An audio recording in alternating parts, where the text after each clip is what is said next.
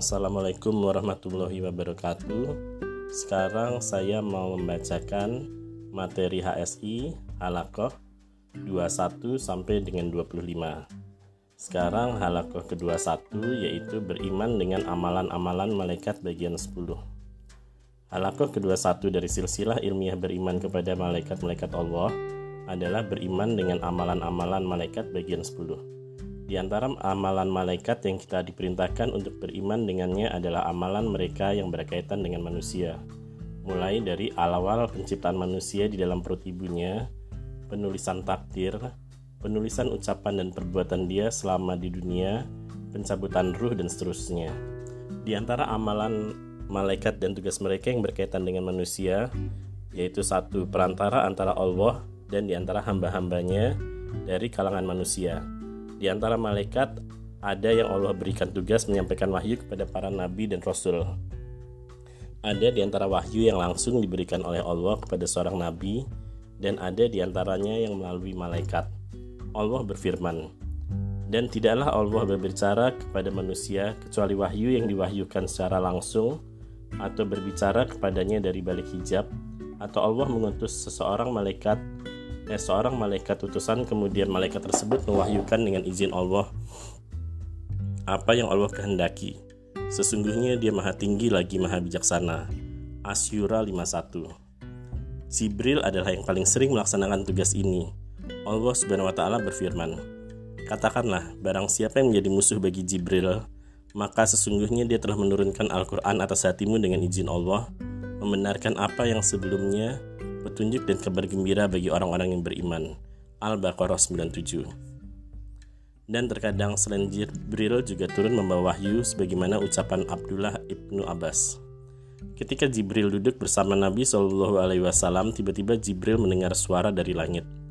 Kemudian beliau mengangkat kepalanya selaya berkata, "Ini adalah pintu di langit. Dibuka hari ini belum pernah dibuka sebelumnya kecuali hari ini." Maka turunlah dari pintu tersebut seorang malaikat. Kemudian Jibril berkata, "Ini adalah malaikat turun ke bumi. Dia belum pernah turun sebelumnya kecuali hari ini." Kemudian malaikat tersebut mengucapkan salam dan berkata kepada Nabi Shallallahu Alaihi Wasallam, "Bergembiralah dengan dua cahaya yang diberikan kepadamu. Belum pernah diberikan kepada seseorang nabi pun sebelummu."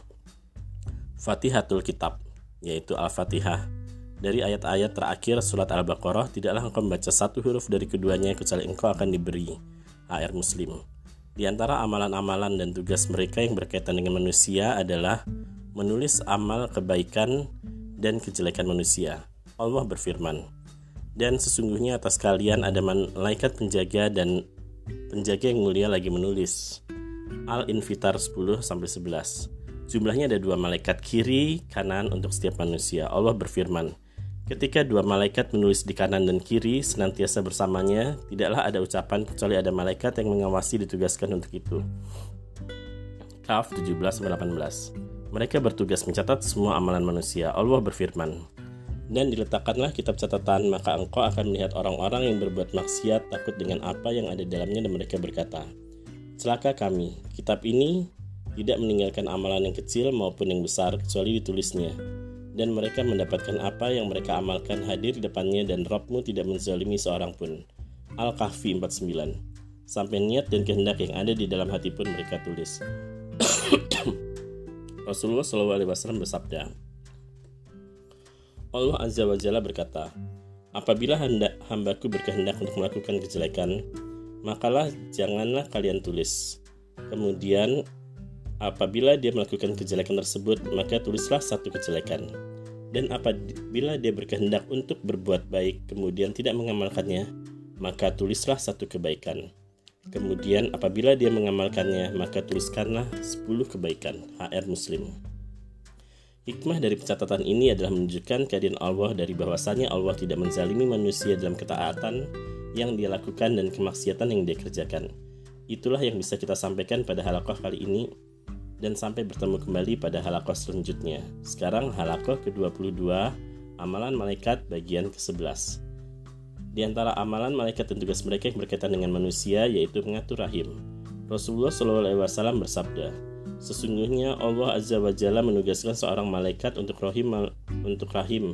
Malaikat berkata, "Wahai Robku, setetes air mani. Wahai Robku, segumpal darah. Wahai Robku, segumpal daging." Maka apabila Allah berkehendak untuk menyempurnakan penciptaannya, malaikat berkata, Ya Allah, apakah laki-laki atau wanita, celaka atau bahagia, kemudian apa rezeki dan apa ajalnya? Maka ditulislah semua itu ketika seorang di perut ibunya. HR Bukhari dan Muslim. Rasulullah Shallallahu Alaihi Wasallam bersabda, Sesungguhnya salah seorang di kalian telah dikumpulkan penciptaannya di dalam perut ibunya 40 hari. Kemudian berupa segumpal darah di dalamnya selama yang semisalnya 40 hari. Kemudian menjadi segumpal daging di dalamnya yang semisalnya. Kemudian diutus seorang malaikat maka dia akan meneruh roh di dalamnya dan diperintah menulis empat kalimat.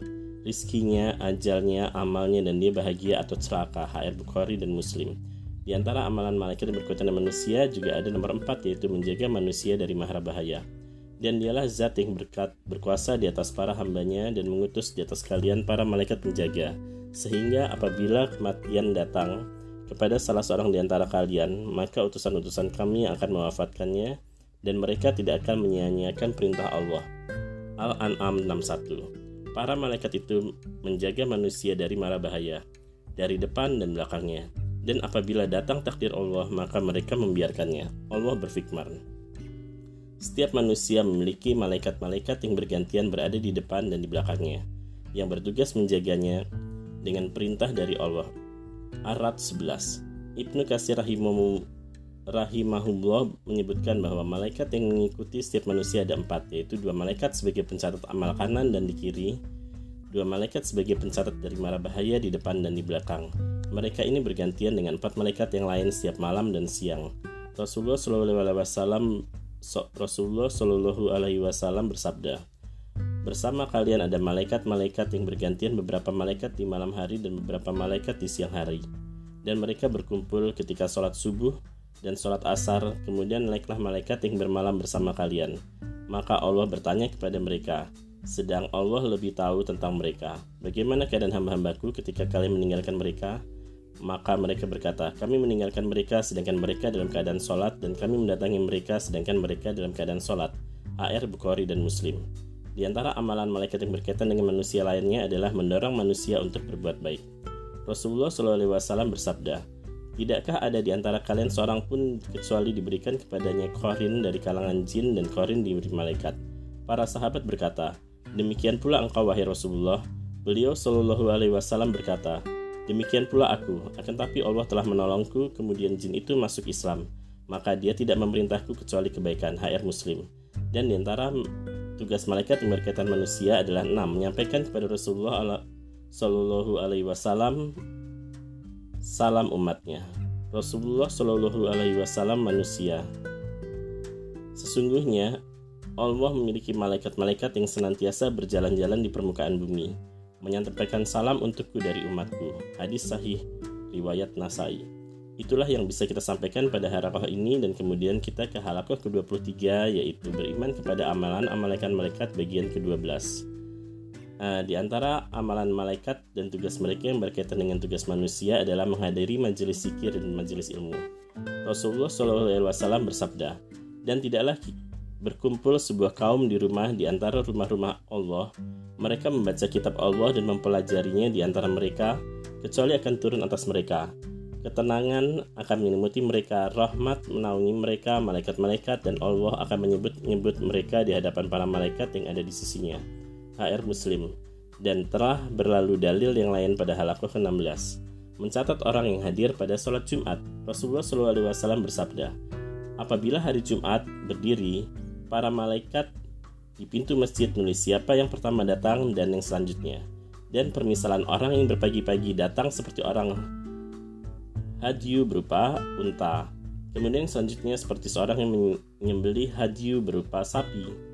Kemudian yang selanjutnya seperti orang yang menyembeli hadyu berupa kambing. Kemudian yang selanjutnya seperti orang yang menyembeli hadyu berupa ayam.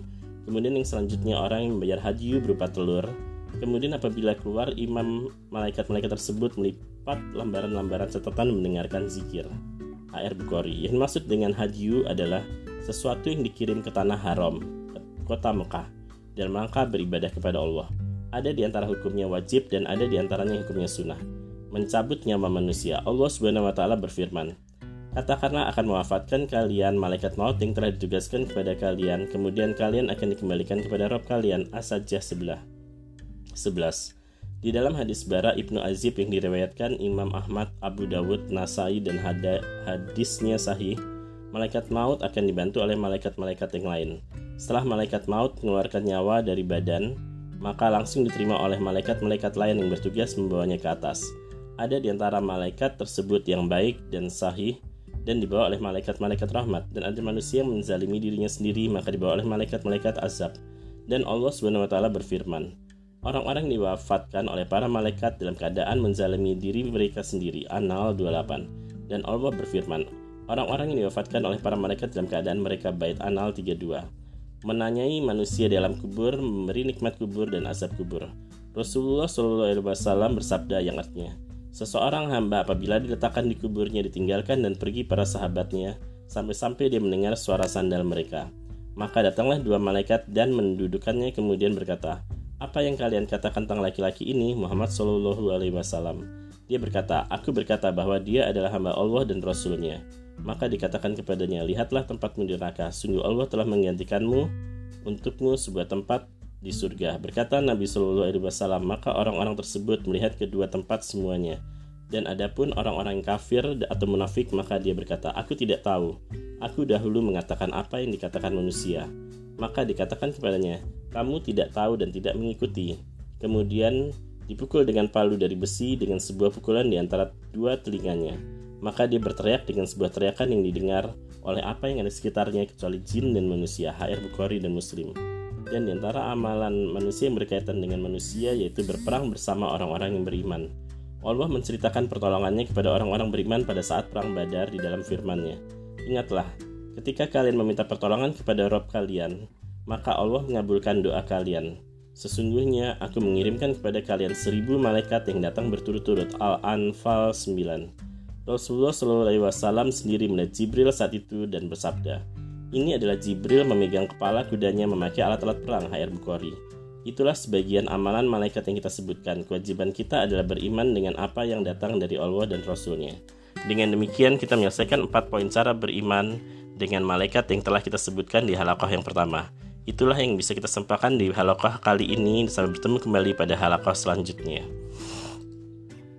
Halakoh ke-24 Dari silsilah ilmiah beriman kepada eh, dengan malaikat-malaikat Allah adalah tentang beberapa penyimpangan dalam hal beriman kepada malaikat-malaikat Allah dan penjelasan tentang malaikat-malaikat tentang beberapa hak malaikat.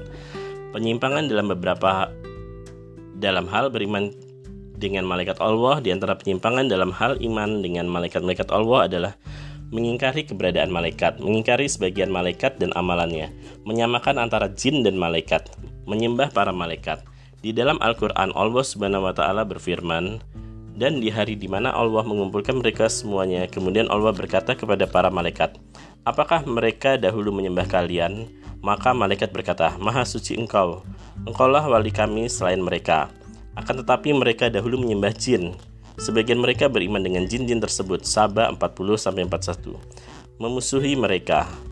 Allah subhanahu wa ta'ala berfirman, Barang siapa yang memusuhi Allah, malaikat-malaikat rasul-rasulnya Jibril dan Mikhail, maka sesungguhnya Allah musuh bagi orang-orang yang kafir. Al-Baqarah 98 meyakini bahwa malaikat berjenis kelamin wanita dan bahwasanya malaikat adalah anak wanita Allah.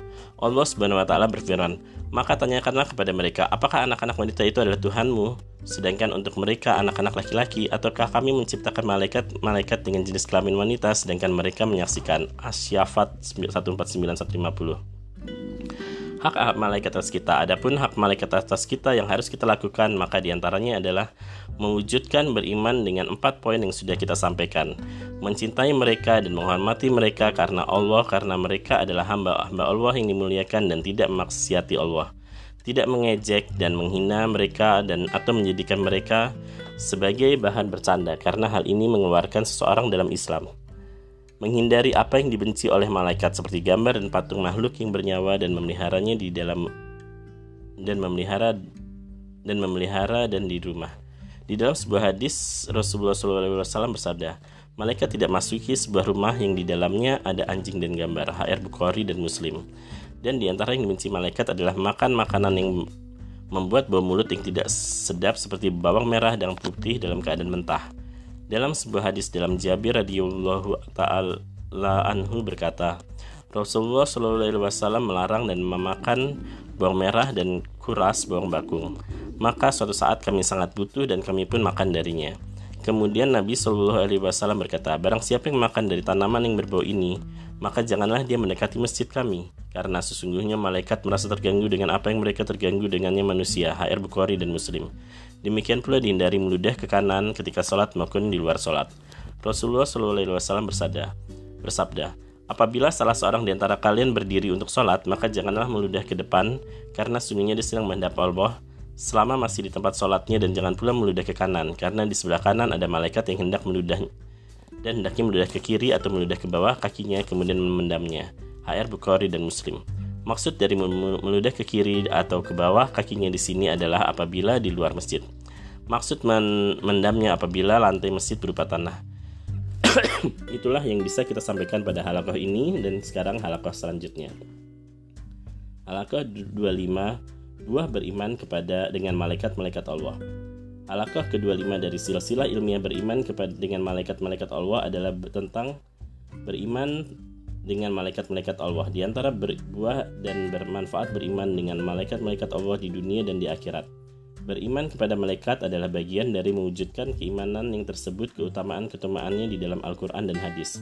Di antaranya adalah mendapatkan hidayah di dunia, mendapatkan keamanan di akhirat, masuk ke dalam surga dan lain-lain. Semua mengagungkan Allah karena seseorang ketika mendengar tentang seor sangat besarnya seorang malaikat, dia menyadari bahwa Allah yang menciptakan malaikat tersebut lebih besar. Dan seorang apabila dia mendengar bahwa Allah memiliki hamba-hamba yang sangat banyak, pasukan-pasukan yang tidak mengetahui jumlahnya kecuali Allah, maka dia menyadari bahwa Allah dialah yang raja yang hak, yang berkuasa, yang maha tinggi, yang maha besar, yang maha mengatur seluruh perkara. Maka keyakinan ini membawa dia untuk hanya menyembah kepada Allah dan meninggalkan penyembahan kepada selain Allah, menjadikan seorang tawadu dan jauh dari sifat sombong di dalam beribadahnya. Karena dia menyadari, mengetahui bahwa di sana ada para malaikat yang jauh lebih banyak ibadahnya kepada malaikat dan mereka tidak memaksiati Allah. Mengetahui rahasia-rahasia alam yang sangat teratur dan kejadian-kejadian yang ada di dalamnya, dan bahwasanya di sana ada malaikat-malaikat yang Allah tugaskan dengan amalan-amalan yang berkaitan dengan alam semesta dan manusia mencintai amal soleh. Di antara karena di sana ada malaikat yang menulis amal kebaikan dan di sana ada malaikat-malaikat yang mendoakan dengan kebaikan bagi orang yang melakukan beberapa jenis amal soleh. 6. Membenci kemaksiatan dan menjauhinya. Karena di sana ada malaikat-malaikat yang mencatat ucapan dan perbuatannya dan di sana ada malaikat-malaikat yang mendoakan dengan kejelekan dan laknat bagi orang yang melakukan beberapa jenis kemaksiatan meniru dan meneladani malaikat di dalam beribadah, ketaatan dan rasa takut mereka kepada Allah. Bersyukur kepada Allah atas kenikmatan yang besar ini, di mana Allah menugaskan kepada malaikat untuk melakukan beberapa amalan yang berkaitan dengan alam semesta dan manusia. Dengan demikian kita sudah menyelesaikan silsilah ilmiah yang keenam tentang beriman dengan malaikat-malaikat Allah. Semoga apa yang kita sampaikan bermanfaat dan bisa diamalkan dalam kehidupan sehari-hari dan sampai bertemu pada silsilah ilmiah ketujuh yaitu yang berikutnya itu beriman kepada kitab-kitab Allah. Oke, jadi sampai sini saja pembacaan silsilah ilmiah ke-6 halakoh ke 21 sampai 25 yaitu beriman kepada malaikat. Oke. Assalamualaikum warahmatullahi wabarakatuh.